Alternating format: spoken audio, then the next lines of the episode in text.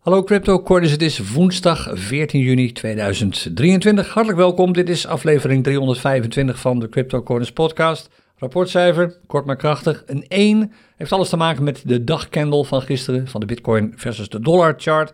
Die pakken we er zo nog wel even bij. Voordat we dat doen gaan we even wat nieuws met je doornemen. En voordat we dat gaan doen, even een korte shout-out naar een nieuwe crypto corner. Jan, oftewel Jan Rienstra 861 via YouTube. Die liet gisteren een reactie achter. Luister voor het eerst, zeer nuttige podcast. Luister lekker weg ook. Jan, ontzettend leuk dat je erbij bent en heel erg bedankt voor het eh, compliment. Leuk om zoiets te lezen.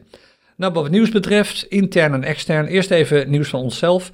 Ik zei gisteren nog tijdens de podcast dat Kevan aanstaande donderdag, morgen dus, een sessie ging doen op Patreon. Als je lid bent van ons Patreon-platform, dan wist je dat waarschijnlijk ook al. De Trading Reviews sessie, de eerste.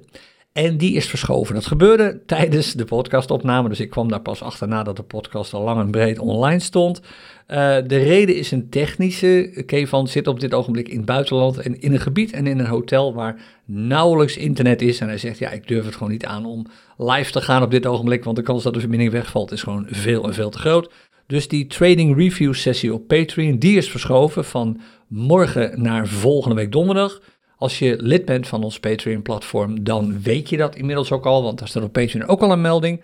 Maar ook vanavond stond Kevan op het programma met uh, terugkomstsessie. Volgens mij de tweede terugkomstsessie van zijn live clinic, uh, tweede in trending markten.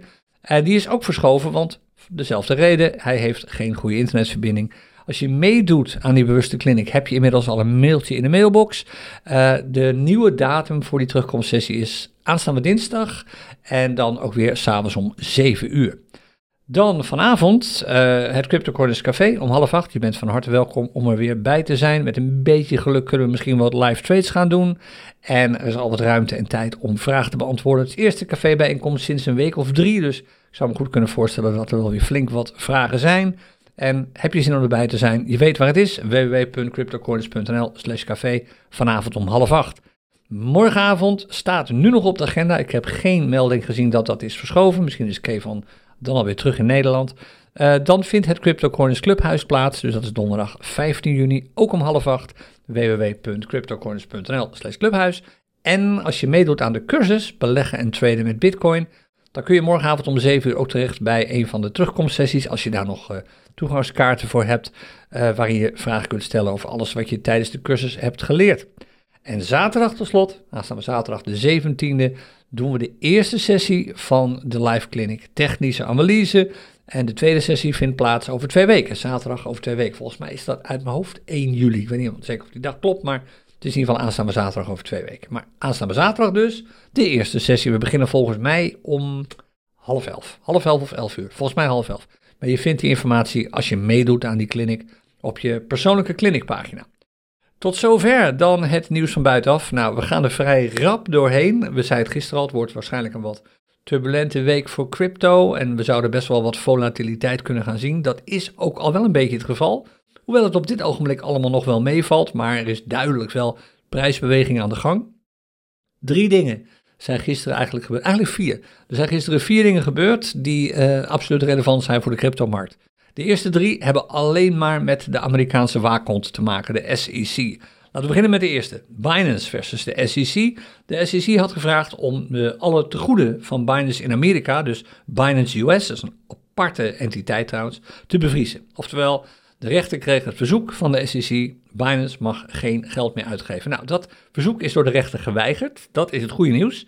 Het minder goede nieuws voor Binance is dat het tijdelijk is. De rechter heeft gezegd nee, Voorlopig gaan we dat niet doen, want daarmee komt die hele business in gevaar. En met alle respect, als ik zo eens kijk, zegt de rechter, naar wat er allemaal loopt, is er absoluut geen reden voor een dergelijk verzoek. Uh, ga er eerst zelf maar eens uh, over praten met elkaar en probeer er maar eens uit te komen. En geef mij daar aan morgenavond, donderdagavond, maar eens een update over. En ik wil ook wel graag even zien, zei de rechter, min of meer een standaard verhaal, wat de geplande uitgaven zijn. Of de rechter nou heel erg veel kennis van zaken heeft, is weer te betwijfelen, want er gebeurt iets interessants. Uh, de rechter vroeg aan Binance US die, uh, dat niet te goede. Staan die in Amerika of staan die buiten, zijn die naar, naar buiten Amerika gebracht? En daar kon Binance eigenlijk niet echt een antwoord op geven. En dat is logisch, want die tegoeden die staan niet ergens op een bankrekening. Dat zijn wallets. En die wallets, ja, die zijn niet echt gekoppeld aan een bepaalde locatie. Die wallets, dat is niks anders dan een aantal transacties die in de blockchain staan, die vanuit zo'n wallet worden bekeken. Dat is wat een wallet is. Dus Binance kon gewoon geen antwoord geven op die vraag. En daar werd de rechter heel zagrijnig over, dus dat liep weer allemaal optimaal. Alles te maken met, zoals ik al zei, gebrek aan kennis natuurlijk. Maar het goede nieuws hier voor crypto is dat de nogal hard gespeelde strategie van de SEC, weet je wat, we zorgen eerst maar voor dat ze niet meer bij hun geld kunnen komen. Het lijkt wel choke point dit. Uh, die is in ieder geval nu mislukt, want de rechter zegt nee, ga er eerst zelf maar uitkomen. Beide partijen is nu gevraagd om een document op te stellen. En daar gaat de rechter zich dan over buigen. Als beide partijen het eens zijn, hoeft dat niet meer. En uiteindelijk, als bij, ik denk dat de SEC nu wel de druk voelt om hier uit te komen. Want als ik zo eens naar die rechter luister, wat gisteren uh, vond deze zaak dus plaats. Dan lijkt het erop dat hij in het voordeel van Binance zou gaan beslissen. Als ze er samen niet uitkomen. Dus voor crypto vooralsnog is dit zeker geen slecht nieuws. Nou, dat was de eerste. Dan hadden we Coinbase. Die hadden ook een, weer een zaak aangespannen tegen de SEC, al een tijd geleden overigens. De SEC werd gevraagd door Coinbase om nou eindelijk eens een keertje te vertellen wat ze nou moeten doen. Want er zijn geen regels. Er is nauwelijks informatie beschikbaar over waar je als handelsplatform in Amerika aan moet voldoen om een licentie te krijgen. En er is ook totaal geen duidelijkheid over wat nou wel effecten zijn, waardepapieren en wat niet. Enfin, dat verhaal kennen we natuurlijk. En de, Coinbase is al een hele tijd bezig om dat boven water te krijgen. En ze hebben zelfs een gerechtelijke uitspraak. Er is een rechter geweest die heeft gezegd: Beste SEC, jullie moeten nu gewoon vertellen wat Coinbase en al die andere handelsplatformen moeten doen om een licentie te krijgen. En ze komen maar niet af, die SEC, met die informatie. Er wordt gewoon heel duidelijk getraineerd. We hebben het gisteren al over gehad, hoeven nu niet weer bij stil te staan. En de SEC gaat gewoon door. Ze hebben namelijk nu gevraagd om nog meer tijd. Ze hebben meer tijd nodig om aan het verzoek van Coinbase te kunnen voldoen. En ondertussen gaan ze gewoon door met handhaving. Nou, dit kan natuurlijk niet. Coinbase heeft ook al gezegd, jongens, dit slaat echt helemaal nergens op. Ze vertellen ons niet wat we moeten doen en ondertussen proberen ze de ene na het andere handelsplatform te sluiten. En dit is natuurlijk not done, zoals ze zo mooi zeggen in het Engels. En ondertussen is natuurlijk Coinbase druk bezig om zijn bedrijfsactiviteiten te verleggen vanuit Amerika naar Hongkong. Daar hebben we het gisteren ook al even over gehad. Het is natuurlijk van de dollar, maar dat wisten we gisteren ook al. En het laat keer op keer zien dat de bedoelingen die de SEC heeft weinig te maken hebben met het beschermen van het volk, maar blijkbaar te maken hebben met iets anders. En mijn vermoeden, ik ben niet de enige, is dat dit een gestructureerde aanval is op alles wat met crypto te maken heeft, omdat ze dat wel moeten doen, omdat anders de stabiliteit van de normale munt, voor Amerika de normale munt, de fiat munt, de dollar, gewoon in gevaar lijkt te komen. Hoe het ook klinkt, het lijkt erop dat crypto daadwerkelijk nu echt ook door de SEC wordt gezien als een zeer concrete bedreiging van de eigen zo vertrouwde, waardevolle, tussen aanleidingstekens, Amerikaanse dollar. Dat was de tweede zaak. Dus daar, um, Coinbase heeft nu, uh, of eh, SEC heeft nu uitstel aangevraagd. Daar gaat Coinbase niet mee akkoord, dus er komt weer een rechtszaak, kun je nu op wachten. Die gaat de SEC weer verliezen. Maar goed, afwachten hoe dat loopt. De derde was Ripple, uh, SEC versus Ripple. Uh, Ripple um, had gevraagd al een tijd geleden aan de SEC om uh, op, met beroep van, of beroep van de wet openbaar bestuur, dat heet daar iets anders in Amerika, om eindelijk eens een keertje de documenten te laten zien. die hoorden bij een speech die is gegeven binnen de SEC door, trouwens niet binnen de SEC, die speech was openbaar, door meneer Hinman in 2018. En meneer Hinman is de voormalige baas van de SEC, de de voorganger van Gary die we nu hebben, Gary Gensler, uh, Gensler sorry. En meneer Hinman die heeft in die speech gezegd in 2018, ja, wij vinden dat Ether en al die andere munten, dat zijn geen effecten. Dat zijn geen waardepapieren. Nou, daar werd intern nogal wat over geschreven toen binnen de SEC. En die documenten die zijn in feite openbaar, want de SEC is een toezichthouder. Maar de SEC kwam maar niet af met die documenten, want Ripple wil die documenten graag hebben, want Ripple werd genoemd in die speech. En zoals ze zegt, de SEC stuurde die documenten maar niet op. Maar gisteren verliep de absolute deadline die de rechter had gesteld.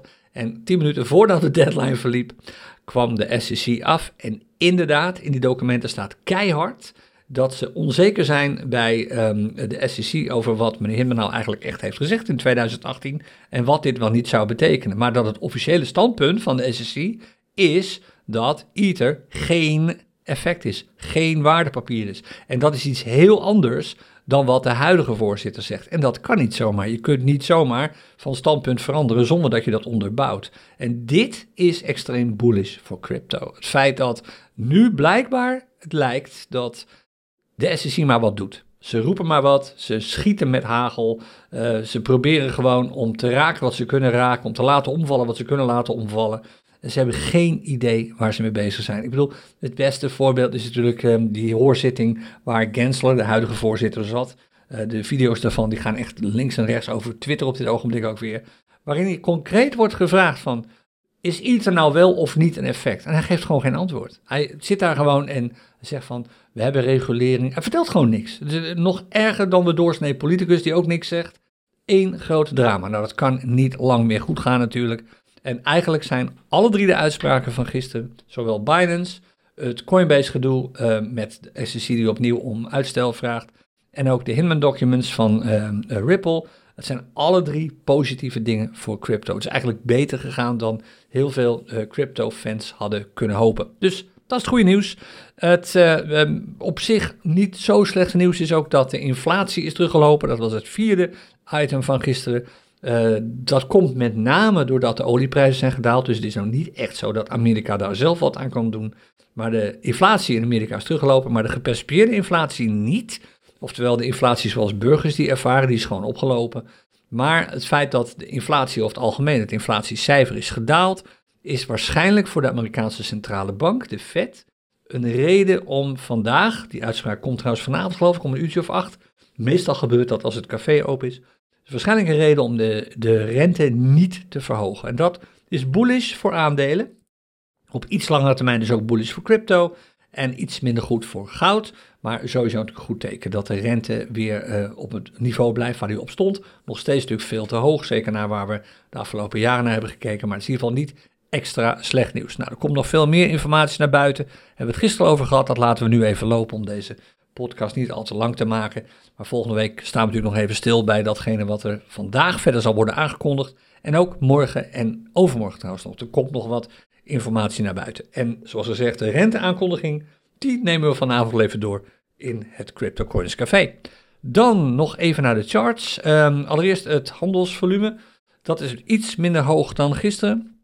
Gisteren hadden we nog 16 muntparen. Uh, ik kijk dan eigenlijk altijd naar de muntparen die je op Binance kunt verhandelen, de Bitcoin muntparen, met een handelsvolume groter dan 50 uh, eh, Bitcoin de afgelopen dag. En dat waren er gisteren nog maar 16 en vandaag zijn er nog maar 15. Oftewel, er zijn weinig goede muntparen te vinden waar je lekker op kunt traden. Vaak is er best wel wat volatiliteit. Dat is in sommige plekken wel weer wat opgelopen, maar er is gewoon te weinig handelsvolume. Dat betekent dat je zomaar in een trade terecht kunt komen die, zoals wij dat al wel zeggen, in slaap valt. Waar gewoon verder niks meer gebeurt kijk daar alsjeblieft heel goed vanuit. Dat je niet verrast wordt door iets uh, waar je zelf eigenlijk weinig aan kunt doen. Je verkoopopdracht wordt gewoon niet gehaald omdat er geen beweging is in de markt, omdat er geen mensen zijn die aan het handelen zijn. Dat handelsvolume is echt funest uh, voor je trade als het te laag is. En het is gewoon super laag op dit ogenblik. Misschien dat we vanavond, als we aan het traden kunnen in het CryptoCoins Café, dat we misschien wat trades kunnen pakken met wat minder handelsvolume, zodat je kan laten zien wat er dan gebeurt en wat je eventueel nog kunt doen om uit zo'n vervelende situatie te raken. En met name ook wat de grootste valkuilen zijn van te weinig handelsvolume.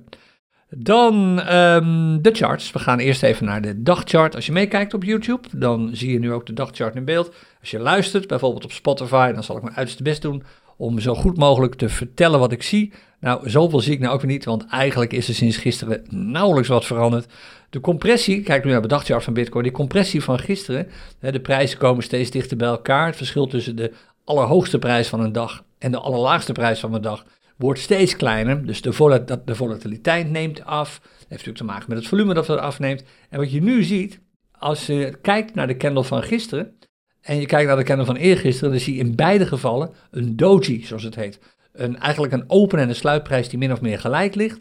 En daarboven een lontje en onder een lontje. En je zou zelfs met een klein beetje fantasie de candle van zondag ook nog kunnen meenemen. Want de open prijs van zondag en de sluitprijs van zondag, daar zat maar 90 dollar tussen. Dat is ook helemaal niks. Oftewel twee, misschien drie doji's op rij.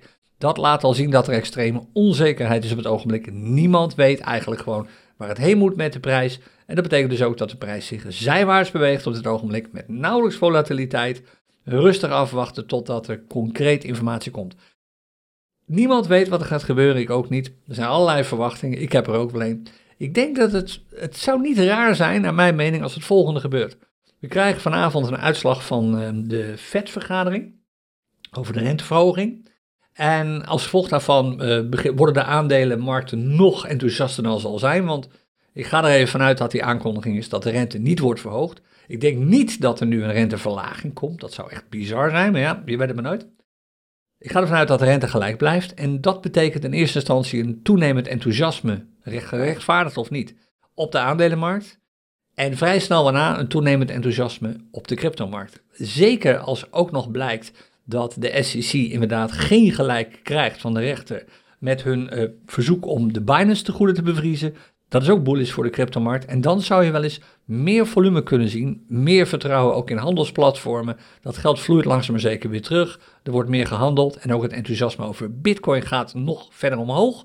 En dat betekent dat je wel eens hogere prijs zou kunnen gaan zien. Dus op dit ogenblik blijf erbij zeggen, dit is allemaal verwachten en hopen. Uh, op dit ogenblik zitten we absoluut nog steeds in een bearish trend. We zijn bearish op de maandchart, bearish op de weekchart, bearish op de dagchart. En zo kan ik wel even doorgaan. Het ziet er gewoon naar beneden uit. Bearish, de prijzen dalen eerder dan dat ze stijgen. Maar de markt kan vrij snel omkeren op dit ogenblik. Er is één indicator, en die heeft een licht voorspellende waarde op die dagchart, die al aangeeft dat het wel eens bullish zou kunnen gaan worden. Dat is de Unbalance Volume Indicator. Als je kijkt naar gisteren, zie je dat de dagcandle, dus de, de candle op de dagchart van gisteren, groen is. Oké, het is een doji, maar hij is groen. En dus dat betekent ook dat de OBV-indicator naar boven loopt. Er is volume gehandeld, er is gehandeld bij een stijgende of gelijkblijvende prijs. Als je kijkt naar de candle van gisteren, is de close iets hoger, 28 dollar, dan de open. Dat maakt hem technisch gezien gewoon gelijk. En zo'n groene candle met een oplopende OBV is een heel licht, maar toch heel licht bullish signaal. Maar dat is ook alles op dit ogenblik. Dus de meeste verwachtingen, of het grootste gedeelte dat zorgt voor de verwachting dat de prijs zou kunnen gaan stijgen, komt niet uit de chart. Want die ziet er gewoon berries uit. Maar komt uit de macro's, hè, wat we aan de buitenkant allemaal horen. In combinatie met het feit dat het niet meer zomaar door blijft zakken wat die prijs betreft. Die hele lange rode candles, die hebben we nu al een dag of vier niet meer gezien. Het, de paniek is nu wel een beetje weg.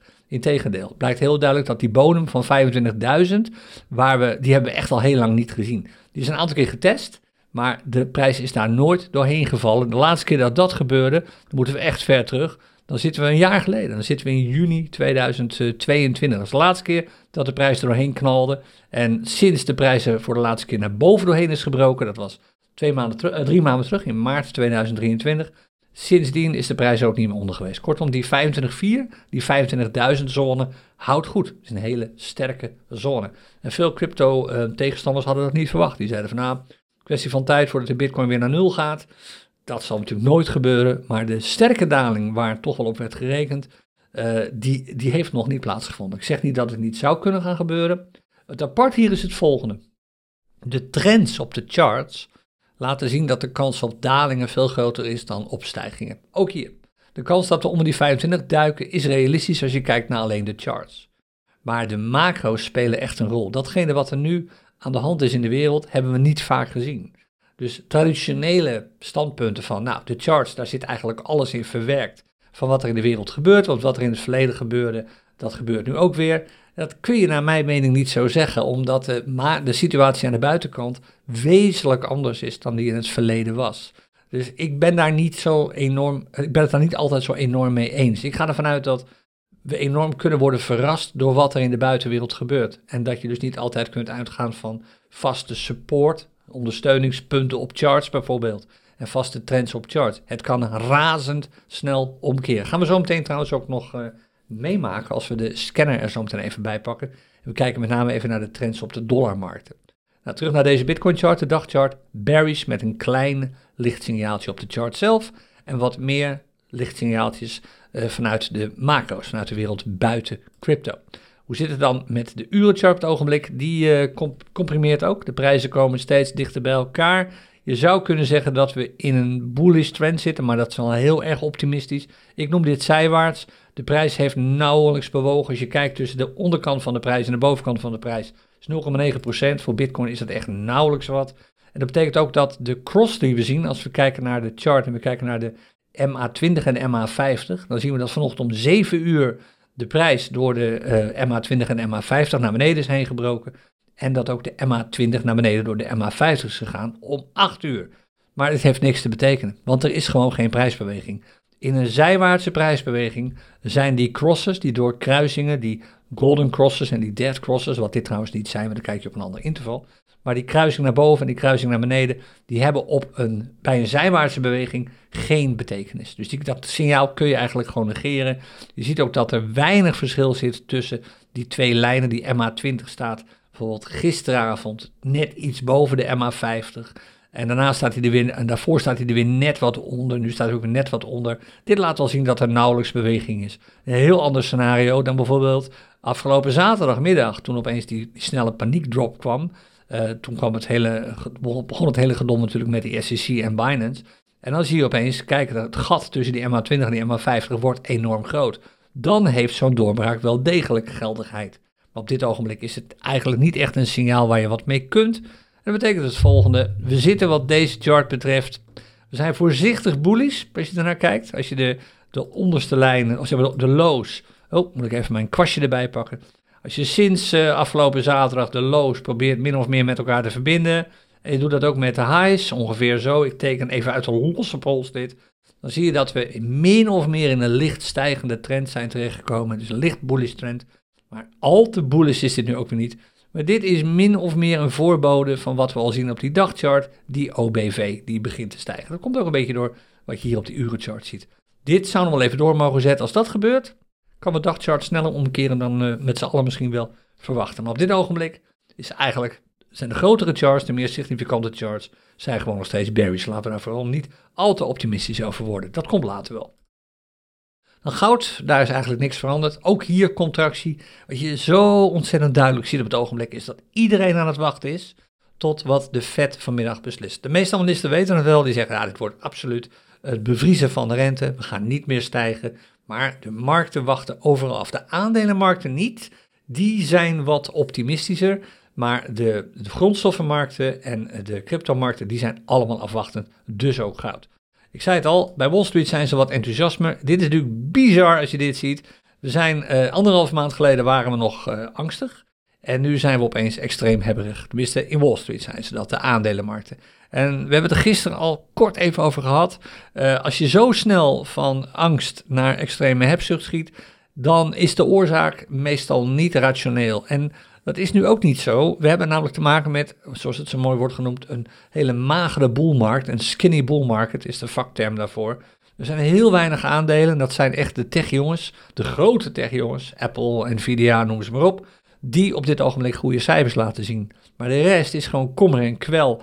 Dat zie je ook een beetje terug als je een laag dieper kijkt op de, de, de aandelenmarkten. En je kijkt naar opties. Opties zijn uh, uh, eigenlijk uh, ja, wat, het zijn een soort bewijzen die je kunt kopen. en die je recht geven om een aandeel voor een bepaalde prijs te kopen of te verkopen. Kijk, stel je voor, je ziet een aandeel dat kost 100 dollar. En je denkt bij jezelf van nou, ik ga ervan uit dat dat aandeel wel gaat stijgen. Dat betekent ik zou er het liefst gewoon 10 kopen maar, of 100 kopen, maar ik heb dat geld niet. Dan kun je opties kopen, en dat zou in dit geval call opties zijn, waarbij je ervan uitgaat dat de prijs 100 dollar is. Dat betekent dat jij altijd, of voor een bepaalde tijd, want zo'n optie heeft een, uh, een tijdstuur, daarna is hij kapot, dan doet hij het niet meer, dan kun je er niks mee, wordt hij waardeloos. Maar gedurende, het is een soort contract dat je koopt. Voor een bepaalde tijd kun je dat aandeel dan kopen voor 100 dollar. Dus als de prijs van dat aandeel stijgt, dan worden die opties ook duurder. En dat is een manier om, want die opties zijn veel goedkoper dan de aandelen zelf. Dat is een manier om te handelen in het recht om een aandeel voor een bepaalde prijs te kopen. Maar andersom is het ook zo. Als jij verwacht dat de prijzen van aandelen gaat dalen, dan zou je natuurlijk een short positie kunnen nemen. Maar je kunt ook zogenaamde put opties kopen. Die zijn heel goedkoop en die geven je het recht om aandelen voor een vaste prijs te verkopen. Dus moet je je voorstellen, je koopt geen, je gaat niet short, je hoeft niks te lenen. Nee, je koopt put opties het aandeel kost 100 dollar. Jij denkt dat het naar de 40 dollar gaat. Je koopt put opties voor 100 dollar. Die geven je het recht om dat aandeel voor 100 dollar te verkopen. En stel de prijs keldert inderdaad naar de 40 dollar. Theoretisch gezien kun je dan zeggen, nou geef mij die aandelen maar, ik koop ze nu voor 40 dollar. En ik mag ze verkopen voor 100 dollar, want die, ik heb die optie, ik heb dat contract. Nou, in de praktijk gebeurt dat nooit. In de praktijk verkoop je de opties zelf, handel je daar dus in. En dat, lang verhaal, zie je nu ook gebeuren. Je ziet dat de grote jongens, de institutionele beleggers, nu bezig zijn om massale hoeveelheden put-opties te kopen. Of, en dat met name ook index put opties, oftewel opties die gekoppeld zijn aan een bepaalde aandelenindex. Een, een hoop aandelen op een hoop gegooid en dan de gemiddelde prijs daarvan. En dat is een bearish signaal. Als die grote jongens al zoveel put opties kopen, geven ze daarmee eigenlijk aan dat ze verwachten dat de prijs van aandelen globaal gezien gaat dalen, omdat het eigenlijk skinny is op dit ogenblik. Het is een magere bull market. Er zijn maar een paar aandelen die het gewoon goed doen. De rest is gewoon nog steeds niet goed. En dat is een signaal dat je goed in de gaten wilt houden. Hoeveel pool-opties worden er op indexes door grote partijen gekocht? En dat aantal is nu eigenlijk te hoog. Pessimisme dus. Dus de combinatie van een skinny bull market, weinig aandelen die het echt lekker doen, de grote jongens wel, voor de rest niks. Nog steeds hoge inflatie, want de inflatie is wat gedaald, maar nou, met alle respect, nog steeds heel hoog. Dat is gewoon niet optimistisch. Dat, is niet een, dat duidt nog steeds op vervelende situaties, vervelende financiële situaties. Kwestie van tijd voordat de werkloosheid, werkloosheidscijfers in Amerika gaan toenemen. Daar gaan we trouwens uh, morgen, nee, overmorgen geloof ik informatie over krijgen. Kwestie van tijd voordat het consumentenvertrouwen in Amerika nog verder daalt. Dat horen we volgens mij vandaag of morgen. Uh, en dat, dat gaan we terugzien. Dat gaan we hoe dan ook terugzien in de prijzen van aandelen. Dus al te gunstig is het allemaal niet. Maar voor crypto is dit natuurlijk weer prima. Nou, hoe zit het dan met crypto op de korte termijn? Hier is de heatmap. Nou, die is rood. Je ziet eigenlijk de grote jongens allemaal in het rood staan. De prijzen van Bitcoin, uitgedrukt in dollar, is, in dollar zijn gedaald natuurlijk. De prijs van Ether is gedaald. Een uitschieter is BNB op dit ogenblik, bijna 4% gestegen. Op dit ogenblik, dat was vanochtend nog 5%. Uh, eh, daar zijn twee redenen voor. De eerste reden is uh, natuurlijk uh, de opluchting bij veel BNB-bezitters BNB is de munt die bij Binance hoort. Uh, de opluchting over de weigering van de rechter om de SEC zomaar uh, uh, gelijk te geven in hun verzoek om de, goede, de tegoeden van Binance US te bevriezen. Dus dat is goed nieuws, dat is bullish voor BNB, dat begint dus ook te stijgen. Heel verrassend en interessant is het wat er met Ripple gebeurt. De XRP, de Ripple coin, die is met bijna 5% gedaald inmiddels. Terwijl het nieuws voor Ripple heel goed was. En dit is typisch een by the rumors zelfde nieuwsverhaal. Gisteren in aanloop naar het, uh, de, vrijgeven van die documenten zag je de prijs van Ripple stijgen. Op een gegeven moment stond hij volgens mij zelfs op uh, 55 dollar cent of zo. Maar vlak nadat die documenten waren gepubliceerd, begonnen mensen hun winst te nemen. Zie je die prijzen dalen. En nu hebben Ripple-bezitters zoiets van: is dit het nou? En nu, hoe gaat het dan nu verder? En dat zie je voortdurend weer. Je ziet, hier is gewoon puur sprake van min of meer speculatie op het nieuws. Trading nieuws, oftewel buying the rumor. Het gerucht kopen en op het nieuws verkopen. En dat is klassiek dit. Dus het zegt eigenlijk helemaal niks over de waarde van Ripple. Net zoals dit niks zegt over de waarde van BNB. Dit is gewoon een logisch iets. Ik was trouwens één ding vergeten. Ik zei, er zijn twee redenen voor de stijging van BNB. De eerste is natuurlijk uh, die uitspraak van de rechter. Die weigerde om uh, de SEC meteen gelijk te geven. En de tweede is het feit dat Binance is gestart met een nieuwe launchpool. Uh, de Maverick token, Maverick coin is het trouwens. wordt um, via die launchpool gratis uitgedeeld. Een soort airdrop. Die krijg je als je BNB en de TUSD vastzet. Je kunt ze er meteen niet echt vastzetten, maar zeg maar even als je ze steekt, om het maar zo te zeggen, dan krijg je gratis van die Maverick, uh, Mavericks coins. Uh, de prijs is nog niet bekend ervan, die, die wordt later pas bekend. Ze zijn ook nog niet verhandelbaar, maar het is gratis geld. En je ziet dat mensen dan toch vaak geneigd zijn om BNB te gaan kopen, of in ieder geval vast te houden, niet te verkopen. En die steken om vervolgens gratis muntjes te krijgen. En dat je zou bij jezelf zeggen, ja, kleine airdrops gaat nergens over. Nou, dat zijn best massale bedragen die daar aan BNB en eh, TUSD worden vastgezet. Hoor. Dus de True Dollar is dat, de nieuwe Binance stablecoin, de TUSD. Die kun je dus nu steken in ruil voor die MAF, MAV uh, coins. En dat is ook een reden dat de BNB-prijs is gestegen. Dus een combinatie van, uh, van beide dingen. Dus dat wat uh, heatmap betreft, verder is hij op dit ogenblik gewoon roze. Is het dan lastig traden op dit ogenblik? Nou, dat valt eigenlijk wel mee. Als je de klassieke cryptocurrency daytrading strategie gebruikt, en je kijkt naar de barometer op dit ogenblik, dan zie je dat alles in de plus staat. En dit is een mooi scenario. Dit is, het, de volatiliteit is natuurlijk gewoon beroerd. Laten we eerlijk zijn, 0,2% prijsverschil gemiddeld ten opzichte van een uur geleden is niet zoveel. Ten opzichte van 4 uur, dit laat al pijnlijk duidelijk zien dat er weinig volatiliteit is. En dit laat nog veel pijnlijker duidelijk zien, nog maar 4%, dat er geen volatiliteit is. Het is in ieder geval in de plus. Dus de gemiddelde prijzen, niet gewogen, maar gewoon elke munt op een hoop gegooid met bitcoin als basismunt. De gemiddelde prijs is dan gestegen. Ten opzichte van gisteren is dat goed. Of in vergelijking met gisteren, want toen stond het er allemaal nog niet zo florissant voor. Dus er is absoluut de handel op dit ogenblik.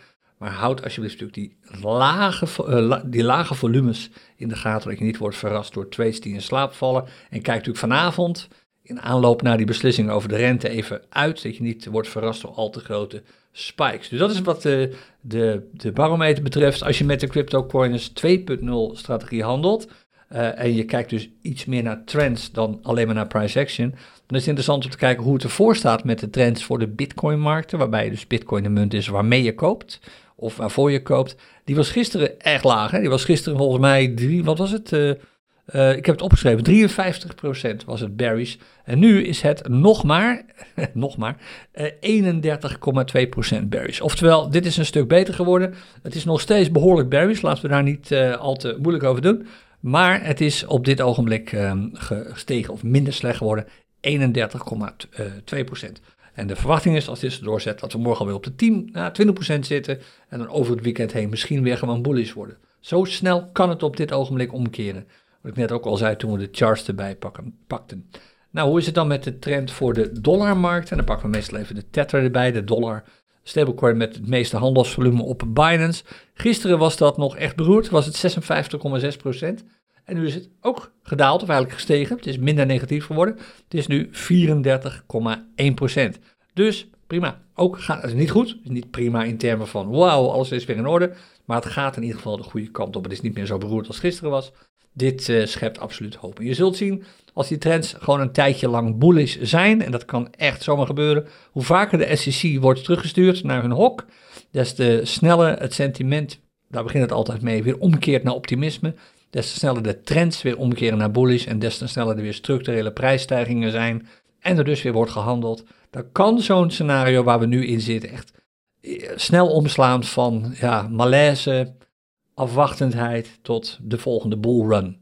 Je leest het natuurlijk ook al, als je, je ziet het al als je de YouTube-video's bekijkt en al die voorspellingen leest van al die mensen die zeggen van nou, de bitcoin gaat absoluut naar een miljoen dollar toe en zo ik zou zover niet willen gaan, maar ik ben er absoluut van overtuigd dat met de waarde van Bitcoin en crypto, de meeste cryptomunten, er helemaal niks aan de hand is. Dit is puur een prijsverhaal. Als je dat in je achterhoofd houdt, dan word je ook niet verleid om te gaan verkopen als prijzen dalen, want prijzen zeggen niks over de waarde. Ze zeggen alleen maar wat over wat mensen vinden van die waarde, maar niet over de waarde zelf. Tot zover. We zijn klaar voor vandaag. Morgen geen podcastaflevering, want ik heb morgen helaas wat afspraken al heel vroeg buiten de deur, dus ik kan geen podcast opnemen. Maar vanavond wel CryptoCoins Café, of uh, ja, vanavond wel CryptoCoins Café, ik zei het al. En aanstaande zaterdag zie ik je misschien bij uh, de Live Clinic, technische analyse. En anders sowieso volgende week maandag weer bij de volgende aflevering van de CryptoCoins podcast. Tot dan en happy trading. Dag.